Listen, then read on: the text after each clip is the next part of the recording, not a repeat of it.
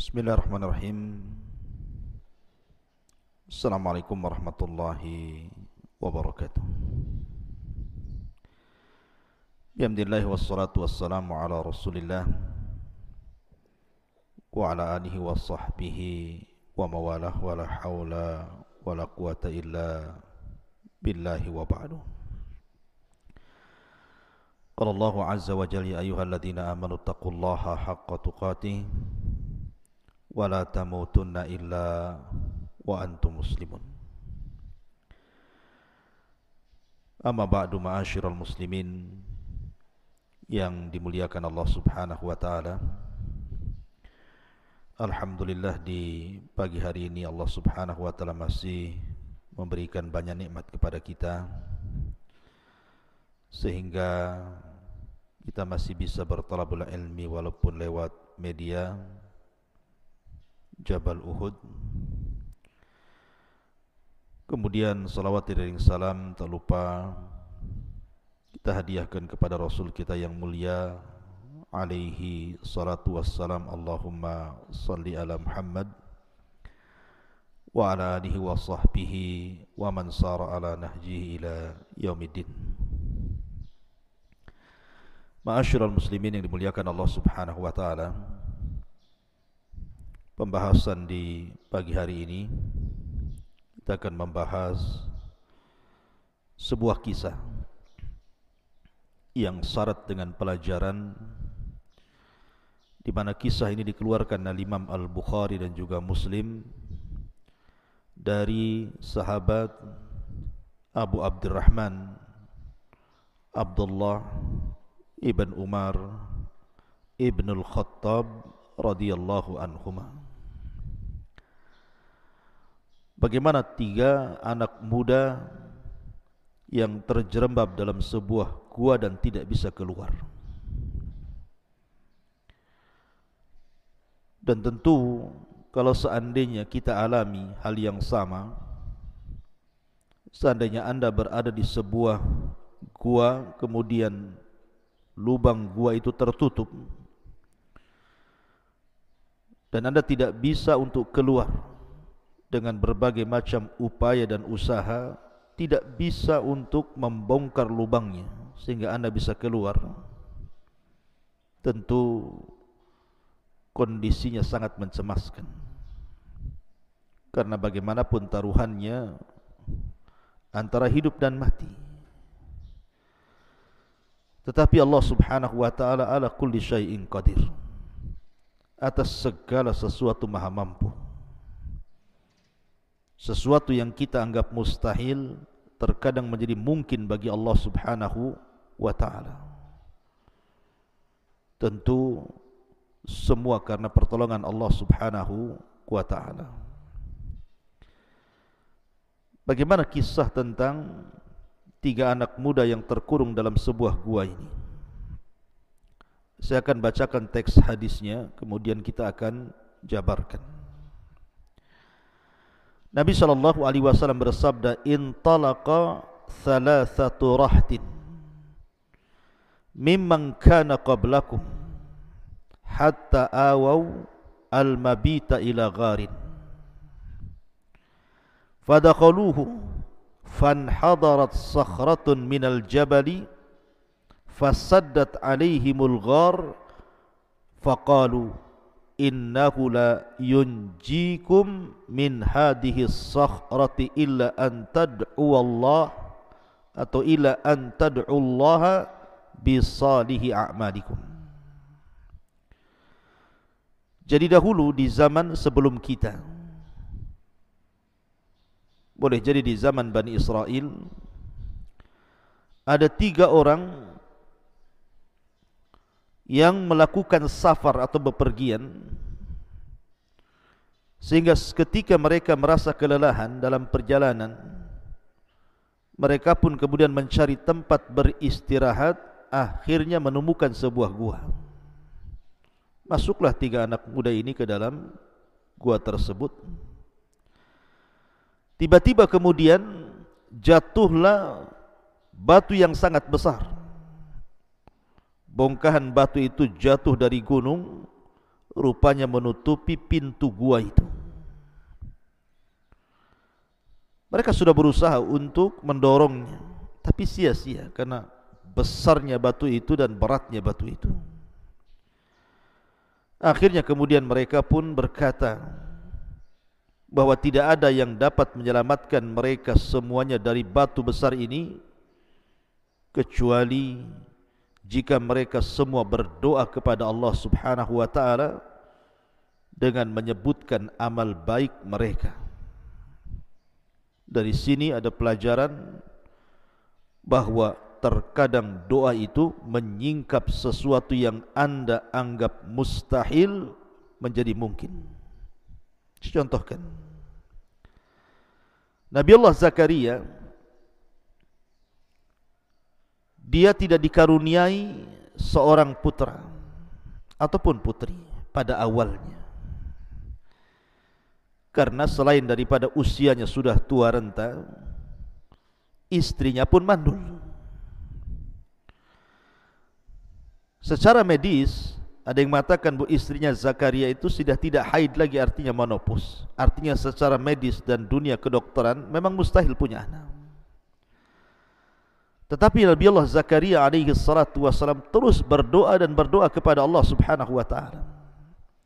Akhirnya kemudian Allah Subhanahu wa taala kabulkan doanya dan Allah Subhanahu wa taala habar gembirakan kepada Nabi Allah Zakaria akan kelahiran Yahya putranya. Itulah doa. Menjadikan sesuatu yang anggap atau dianggap mustahil tapi semua jadi mungkin di hadapan Allah Subhanahu wa taala. Seperti kisah anak-anak muda yang tidak mas tidak bisa keluar dalam dalam gua ini. Faqala rajulun minhum Allahumma in Allahumma kana li abawani syaikhan kabiran wa kuntu agbiqu qablahuma ahlan wala malan fana abi fi talabi syai'in yawman falam arih alaihima hatta nama fahalabtu lahuma ghabuqahuma fawajadtuhuma naimaini wa karihtu an aghbiqa qablahuma ahlan wala malan falabistu wal qadahu ala yadai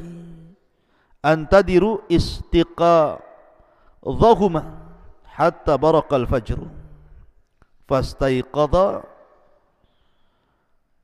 fashariba ghabuqahuma Allahumma in kuntu fa'altu dhalika ibtigha'a wajhik fafarrij anna ma nahnu fihi min hadhihi as-sahra fanfarajat syai'an lakin la yastati'una al-khuruj Kemudian dari tiga anak muda ini yang satu anak muda mulai berdoa kepada Allah Subhanahu wa taala dan mengatakan ya Rabb ya Allah Aku mempunyai dua orang tua yang sudah sepuh dan lanjut usia. Dan aku tidak pernah memberi minum susu di malam hari kepada siapa pun Sebelum memberi minuman kepada keduanya Dan aku lebih mendahulukan mereka berdua daripada keluarga dan budak hartaku Kemudian pada suatu hari Aku mencari kayu di tempat yang sangat jauh Ketika aku pulang, ternyata mereka berdua telah terlalap tidur.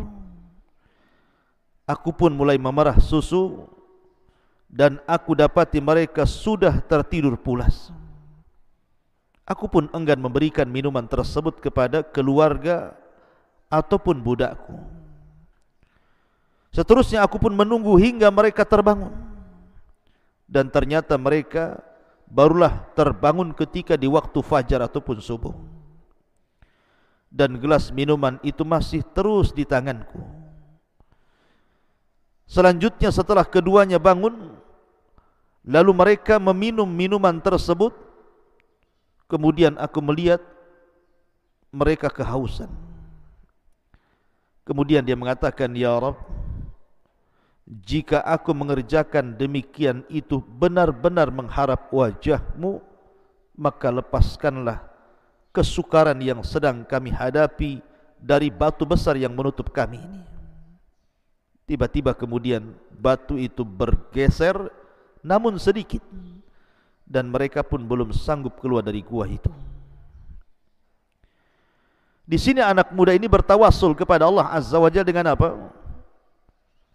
Dengan amal saleh dalam bentuk birrul walidain. Jadi anak muda ini kebiasaan setiap malam sebelum orang tuanya tidur itu selalu menyediakan air susu untuk diminum kedua orang tua sebelum tidur. Tapi suatu ketika karena dia kemudian ada pekerjaan mencari kayu bakar sehingga pulangnya itu sudah terlalu malam. Akhirnya dia memerah susu kemudian hendak memberi minum kepada orang tuanya tapi kedua orang tuanya sudah tertidur dan dia selalu mendahulukan orang tuanya padahal dia punya anak dan istri. Kemudian dia pun memegang gelas itu. Karena dia khawatir kalau seandainya gelas itu ditaruh di sebelahnya atau ditaruh di mana dalam kamar itu, dikhawatirkan orang tuanya tidak tahu atau mungkin tersenggol kemudian jatuh maka dipegangnya gelas yang berisi air susu itu menunggu kedua orang tuanya terbangun. Setelah kemudian ditunggunya rupanya tidak bangun-bangun kecuali sampai waktu subuh. Maka kemudian anak muda ini pun memberi minum kepada kedua orang tua yang sedang kehausan. Maka dia pun melihat ketika kedua orang tuanya sedang minum, dia pun senang. Dan dia mengatakan, Ya Rabb, sekarang aku dalam kondisi sulit dalam gua ini, tidak bisa keluar. Boleh jadi aku akan mati di sini. Kalau memang berbuat baikku kepada orang tuaku melebihkan kedua orang tuaku dibandingkan anak dan istriku ini sebuah ibadah. Mengharap wajahmu ya Rabb, maka lepaskanlah kesulitanku. Keluarkan aku dalam gua ini. Tiba-tiba kemudian batu itu bergeser sedikit tapi juga tidak bisa keluar. Tapi minimalnya sudah ada cahaya masuk. Dan batu itu sudah bergeser sedikit artinya ada harapan mereka akan keluar. Dari sini ada pelajaran pentingnya birrul walidain. Terkadang kita ini selaku anak tidak tahu hak kita apa kepada orang tua kita. Padahal Allah Subhanahu wa taala berfirman, "Wa insana biwalidayhi." Dan kami wasiatkan kepada manusia agar berbuat baik kepada kedua orang tuanya. Artinya, kalau seandainya orang tua kita sudah lanjut usia, sudah tua, sudah renta, pandangan pun mulai terbatas, pendengaran pun mulai terbatas.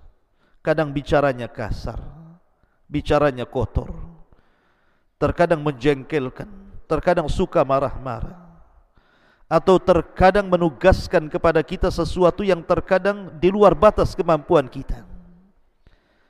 Maka sebelum kita mengambil sikap untuk tidak mengerjakan perintah orang tua, atau untuk meninggalkan orang tua karena ucapannya yang menyakitkan umpamanya maka tolong pikirkan ayat ini. Bahwa berbuat baik kepada orang tua adalah wasiat Allah Subhanahu wa taala. Dan wasiat Allah Subhanahu wa taala sesuatu yang penting bagi kehidupan kita karena isinya kemaslahatan dunia kita dan akhirat kita karena terkadang anak-anak di zaman sekarang ini mereka tidak paham apa itu birrul walidain. Terkadang mereka melawan. Ketika orang tua bicara, kita putus pula pembicaraan orang tua. Ketika orang tua punya ide, kita gagalkan pula idenya. Ketika orang tua marah-marah, kita pula lebih marah daripada orang tua kita. Ketika orang tua kemudian menjengkelkan, terkadang kita meninggalkannya, bukan menghiburnya. La haula wala quwata illa billah. Coba anda bayangkan. Pernah anda menangis ketika orang tua anda terbaring sakit? sebagaimana orang tua kita sangat khawatir dan menangis ketika kita masih kecil. Lihat orang-orang tua itu. Apabila anaknya yang masih kecil, yang masih bayi menangis. Khawatirnya luar biasa. Apalagi kemudian dia sakit parah, maka terkadang orang tua itu tidak bisa tidur. Bahkan terkadang seorang ibu menangis terus dan berdoa kepada Allah akan kesembuhan anak-anaknya. Pernahkah kita berpikir seperti itu? Kita balik kehidupan kita setelah orang tua kemudian lanjut usia kemudian sakit, memarah, menua. Pernah enggak kita ini menangis sebagaimana orang tua menangisi kita di saat kita kecil? Maka sebelum kita menentang orang tua kita ingat firman Allah Subhanahu wa taala wa wassaynal insana biwalidayhi. Abu Hurairah radhiyallahu an suatu ketika dipanggil orang tuanya. Ibunya dan mengatakan ya Abu Hurairah ya Abu Hurairah. Tiba-tiba Abu Hurairah mendengar suara orang tuanya memanggil dia mengatakan labbaik ya ummah Aku penuhi panggilan wahai ibuku. Akan tetapi suara Abu Hurairah Lebih lantang sedikit dibandingkan suara ibunya. Maka dia pun merasa bersalah Maka dia keluarkan uang-uangnya Kemudian datang ke pasar Berusaha mencari Budak yang akan dijual Maka dia beli. Akhirnya dia pun membeli dua budak Kemudian dia merdekakan karena Allah subhanahu wa ta'ala Untuk menebus kesalahannya Karena dia lebih meninggikan suaranya Dibandingkan suara kedua orang Dibandingkan suara ibunya. Begitulah salafun salih Begitu juga Abdullah bin Mas'ud radhiyallahu anhu Ketika dia hendak memberikan air minum Kepada orang tuanya di malam hari Rupanya sudah tidur sehingga Abdullah bin Mas'ud kemudian menunggu sampai dia terbangun dan tidak hendak membangunkan. Baru setelah kemudian di pagi hari terbangun orang tuanya baru dia berikan minuman itu. Di mana kita dengan para salafun salih? Ma'asyiral muslimin yang dimuliakan Allah Subhanahu wa taala, Muhammad ibn Munkadir, seorang alim ulama salaf. Apabila melihat kedua orang tuanya sedang marah, marah bukan karena dirinya tapi karena orang lain. Atau karena sesuatu yang menjadikan dia marah di mana Muhammad ibn Mukadir tidak ikut dalam kemarahannya. Tapi dia ingin menenangkan orang tuanya sebagai bentuk birul walidain. Dia pun meletakkan pipinya di tanah dan mengatakan kepada orang tuanya injaklah leherku kalau itu menjadikan kemarahanmu hilang Pernah kita melakukan seperti itu? Ma'asyiral muslimin yang dimuliakan Allah Azza wa Jalla. Makanya Hasan Al-Basri seorang alim min ulama tabi'in menangis tersegu-segu. Ketika ditanya, "Wa ma yubkika ya Imam?" Apa yang menjadikan Anda menangis wahai Imam? Kata Hasan Al-Basri rahimahullah taala mengatakan, "Wailakum celaka kalian. Dulu aku memiliki dua pintu menuju surga. Dulu aku memiliki dua pintu menuju surga." dan satu pintu itu sudah tertutup dengan kematian salah satu kedua orang tuaku dan sekarang tinggal satu pintu yang mengarah ke surga Masyurul muslimin yang dimuliakan Allah subhanahu wa ta'ala. Oleh karena itulah maka Berbuat baiklah kepada kedua orang tua Sebelum keduanya wafat. Betapa banyak anak-anak yang menyesal. Ketika kedua orang tuanya sudah meninggal dunia dia pun mengharap kepada Allah agar kedua orang tuanya bisa digali lagi dan dihidupkan kembali untuk memeluk dan menciumnya anda yang sekarang dianugerahkan orang tua masih hidup berbuat baiklah kepada kedua orang tua kalian kan Nabi sallallahu alaihi wasallam mengatakan ridallah fi ridal walidaini wa suhtullahi fi suhtihima keridhaan Allah Subhanahu wa taala tergantung kepada kedua orang tua dan kemurkaan Allah juga sama. Ma'asyiral muslimin yang dimuliakan Allah Subhanahu wa taala.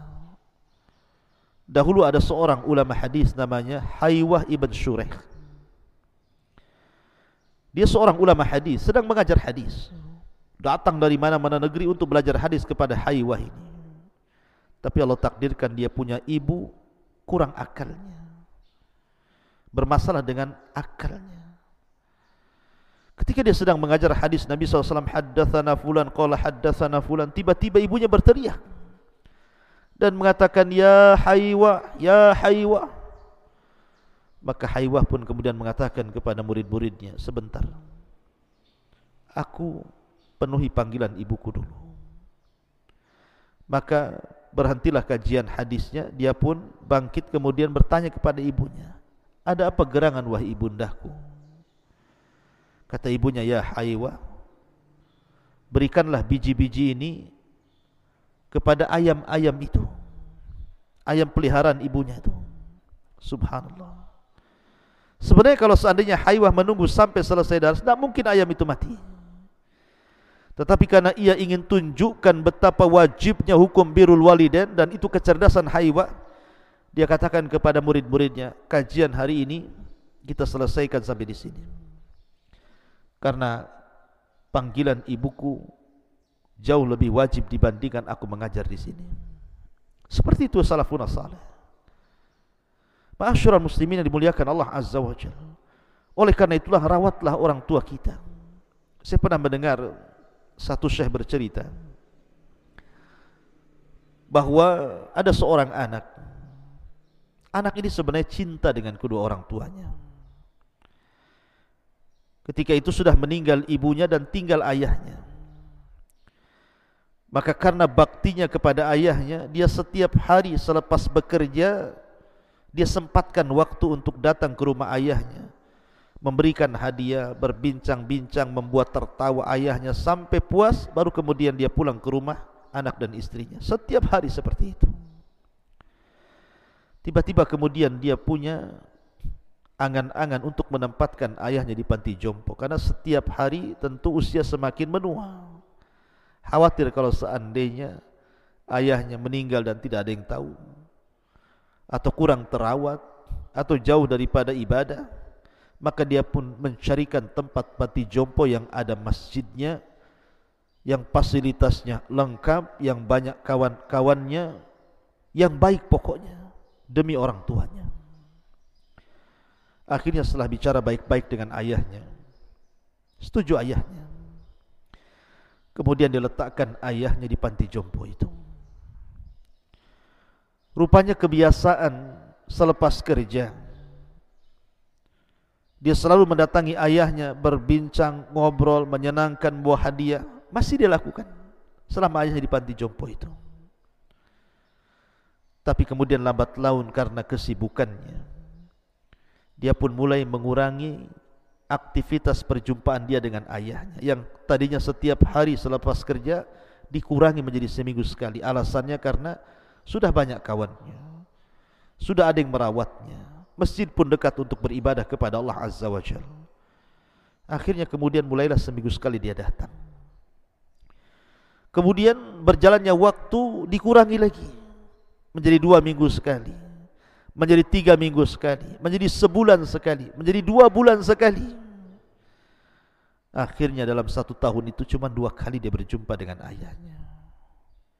Sampai pada waktunya Allah takdirkan ayahnya meninggal dunia.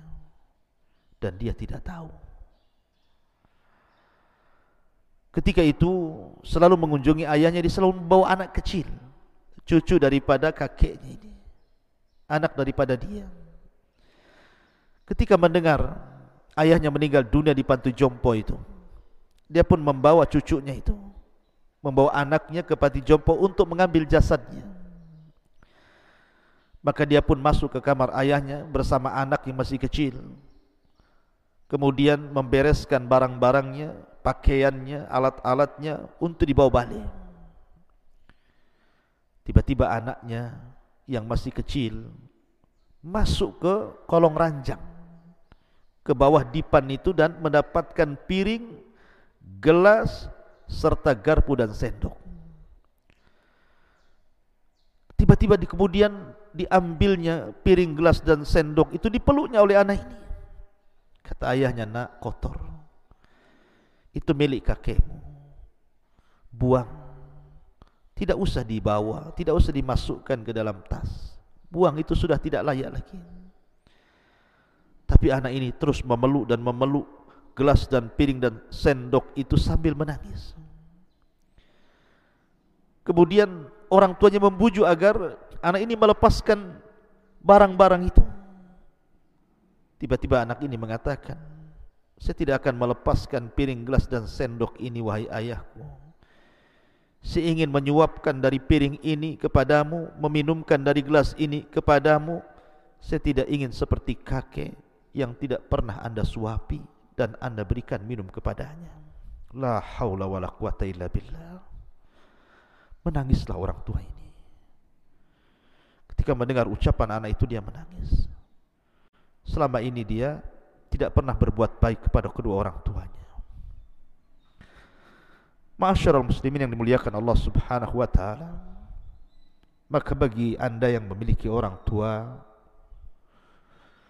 jangan sampai terulang kisah ini kepada Anda. Berbuat baiklah kepada kedua orang tua Anda bagaimanapun sorga itu selain ditentukan oleh Allah Subhanahu wa taala juga karena kebaikan kita kepada kedua orang tua kita. Ma'asyiral muslimin yang dimuliakan Allah Subhanahu wa taala. Kemudian Nabi sallallahu alaihi wasallam bersabda lagi.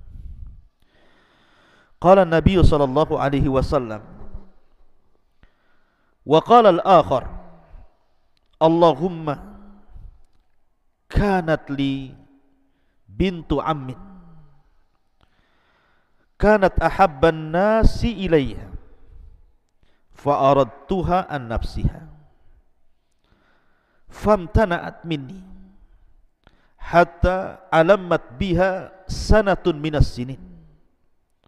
فجاءتني فأعطيتها عشرين ومائة دينار على أن تخلي الوقوع عليها؟ أن تخلي بيني وبين نفسها. ففعلت حتى إذا قدرت عليها. قالت لا أحل لك أن تفض الخاتم. laka an tafudda al-khatama illa bihaqqihi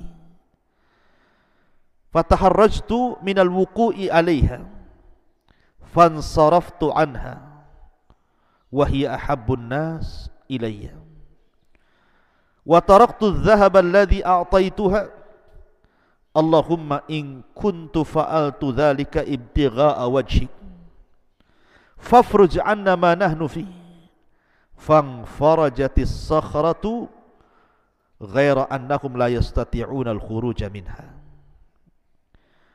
Kemudian Nabi sallallahu alaihi wasallam melanjutkan kisah anak muda yang kedua. Kisah anak muda yang kedua ini mengatakan, "Ya Allah, dulu ada putri pamanku yang aku sangat mencintai dan menyukainya. Aku pun sangat menginginkannya. Namun dia selalu menolak cintaku.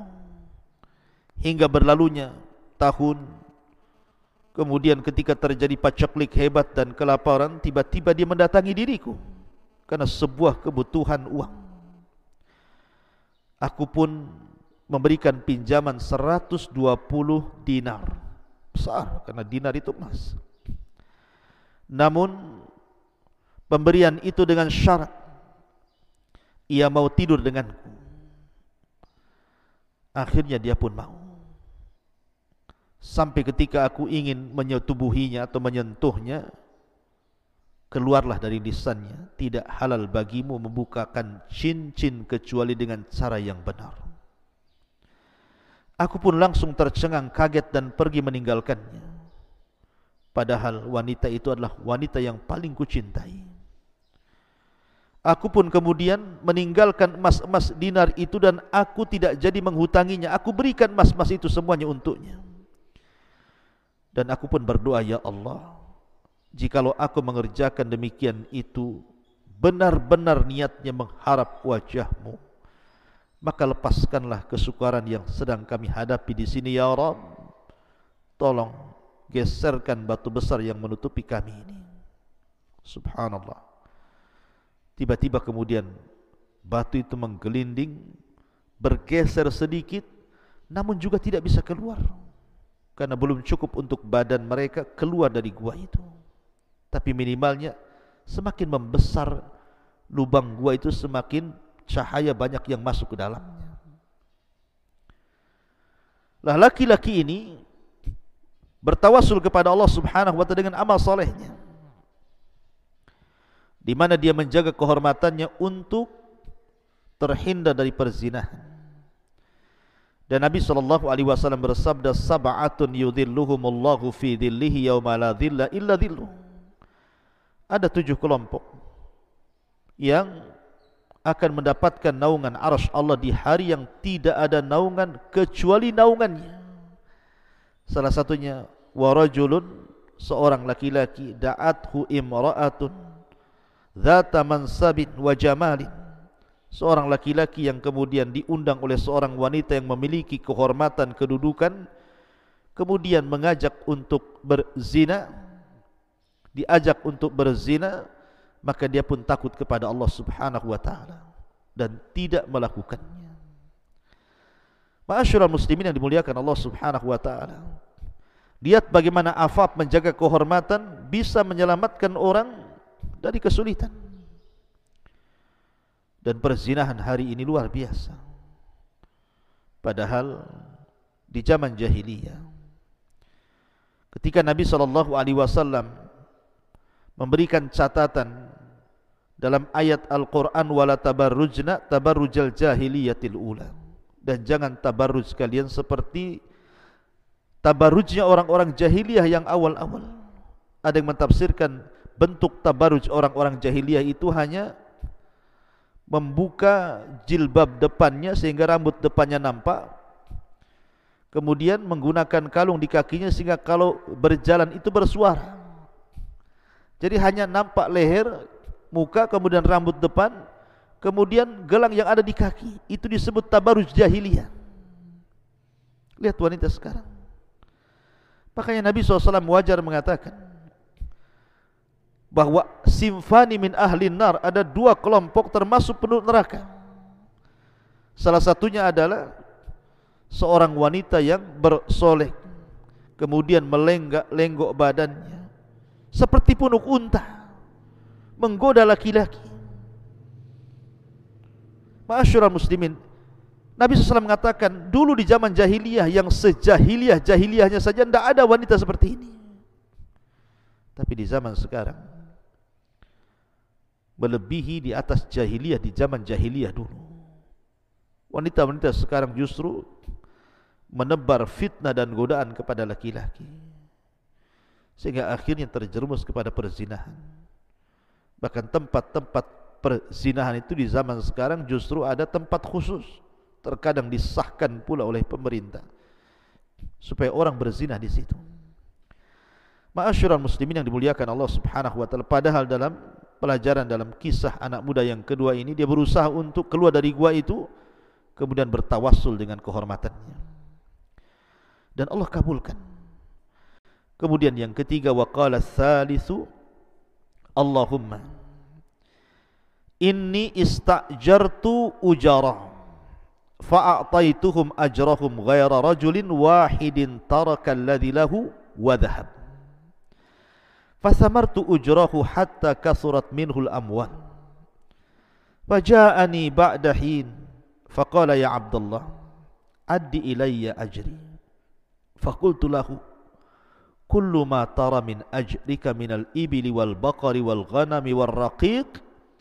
فقال يا عبد الله لا تستهزئني. فقلت إني لا إني لا أستهزئك يا فلان. فأخذه كله fastaqahu falam yatruk minhu syai'a Allahumma in kuntu fa'altu dhalika ibtigha'a wajhik fafruj anna ma nahnu fihi fang farajatis sakhratu fa kharaju Pemuda yang ketiga mengatakan ya Allah aku dulu pernah mempekerjakan beberapa pegawai Lantas aku memberikan gaji kepada mereka Namun satu orang tertinggal ketika aku hendak memberinya Dia pergi pula. Dan bertahun-tahun Tidak pernah kembali.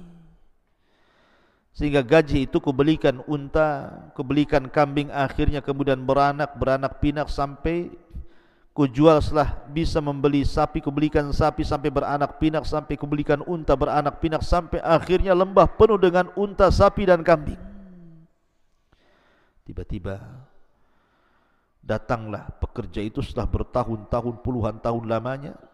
Mungkin karena kesulitan dia butuh duit dia datang kepada majikan yang lama. Wahai tuan dulu aku pernah bekerja di tempatmu. Kau masih punya hutang kepadaku. Maka serahkanlah uang hasil jerih payahku yang dulu bekerja kepadamu. Tiba-tiba anak muda yang ketiga mengatakan Itulah kekayaanmu yang ada di lembah itu. Itulah unta, sapi, kambing yang banyak di lembah itu. Itulah upahmu. Kagetlah anak muda ini. Pekerja ini mengatakan, jangan kau mengolok-olok diriku. Gajiku tidak sebesar itu. Tetapi anak muda yang ketiga ini mengatakan tidak.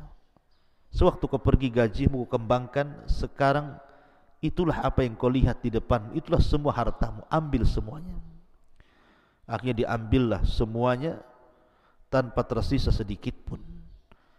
Maka anak muda ini yang, yang ketiga berdoa, Ya Allah, jikalau apa yang kulakukan ini betul-betul mengharap wajahmu, tolong geserlah batu yang menutupi pintu gua itu. Tiba-tiba batu itu menggelinding, betul-betul pintu gua ini terbuka lebar. Akhirnya tiga anak muda ini berhasil keluar dari gua itu. Lihat. Orang yang ketiga bertawasul dengan amal soleh. Dengan cara bersedekah kepada orang yang sangat berhajat kepadanya. Sebenarnya kalau dia memberikan gaji pokoknya saja tidak ada masalah.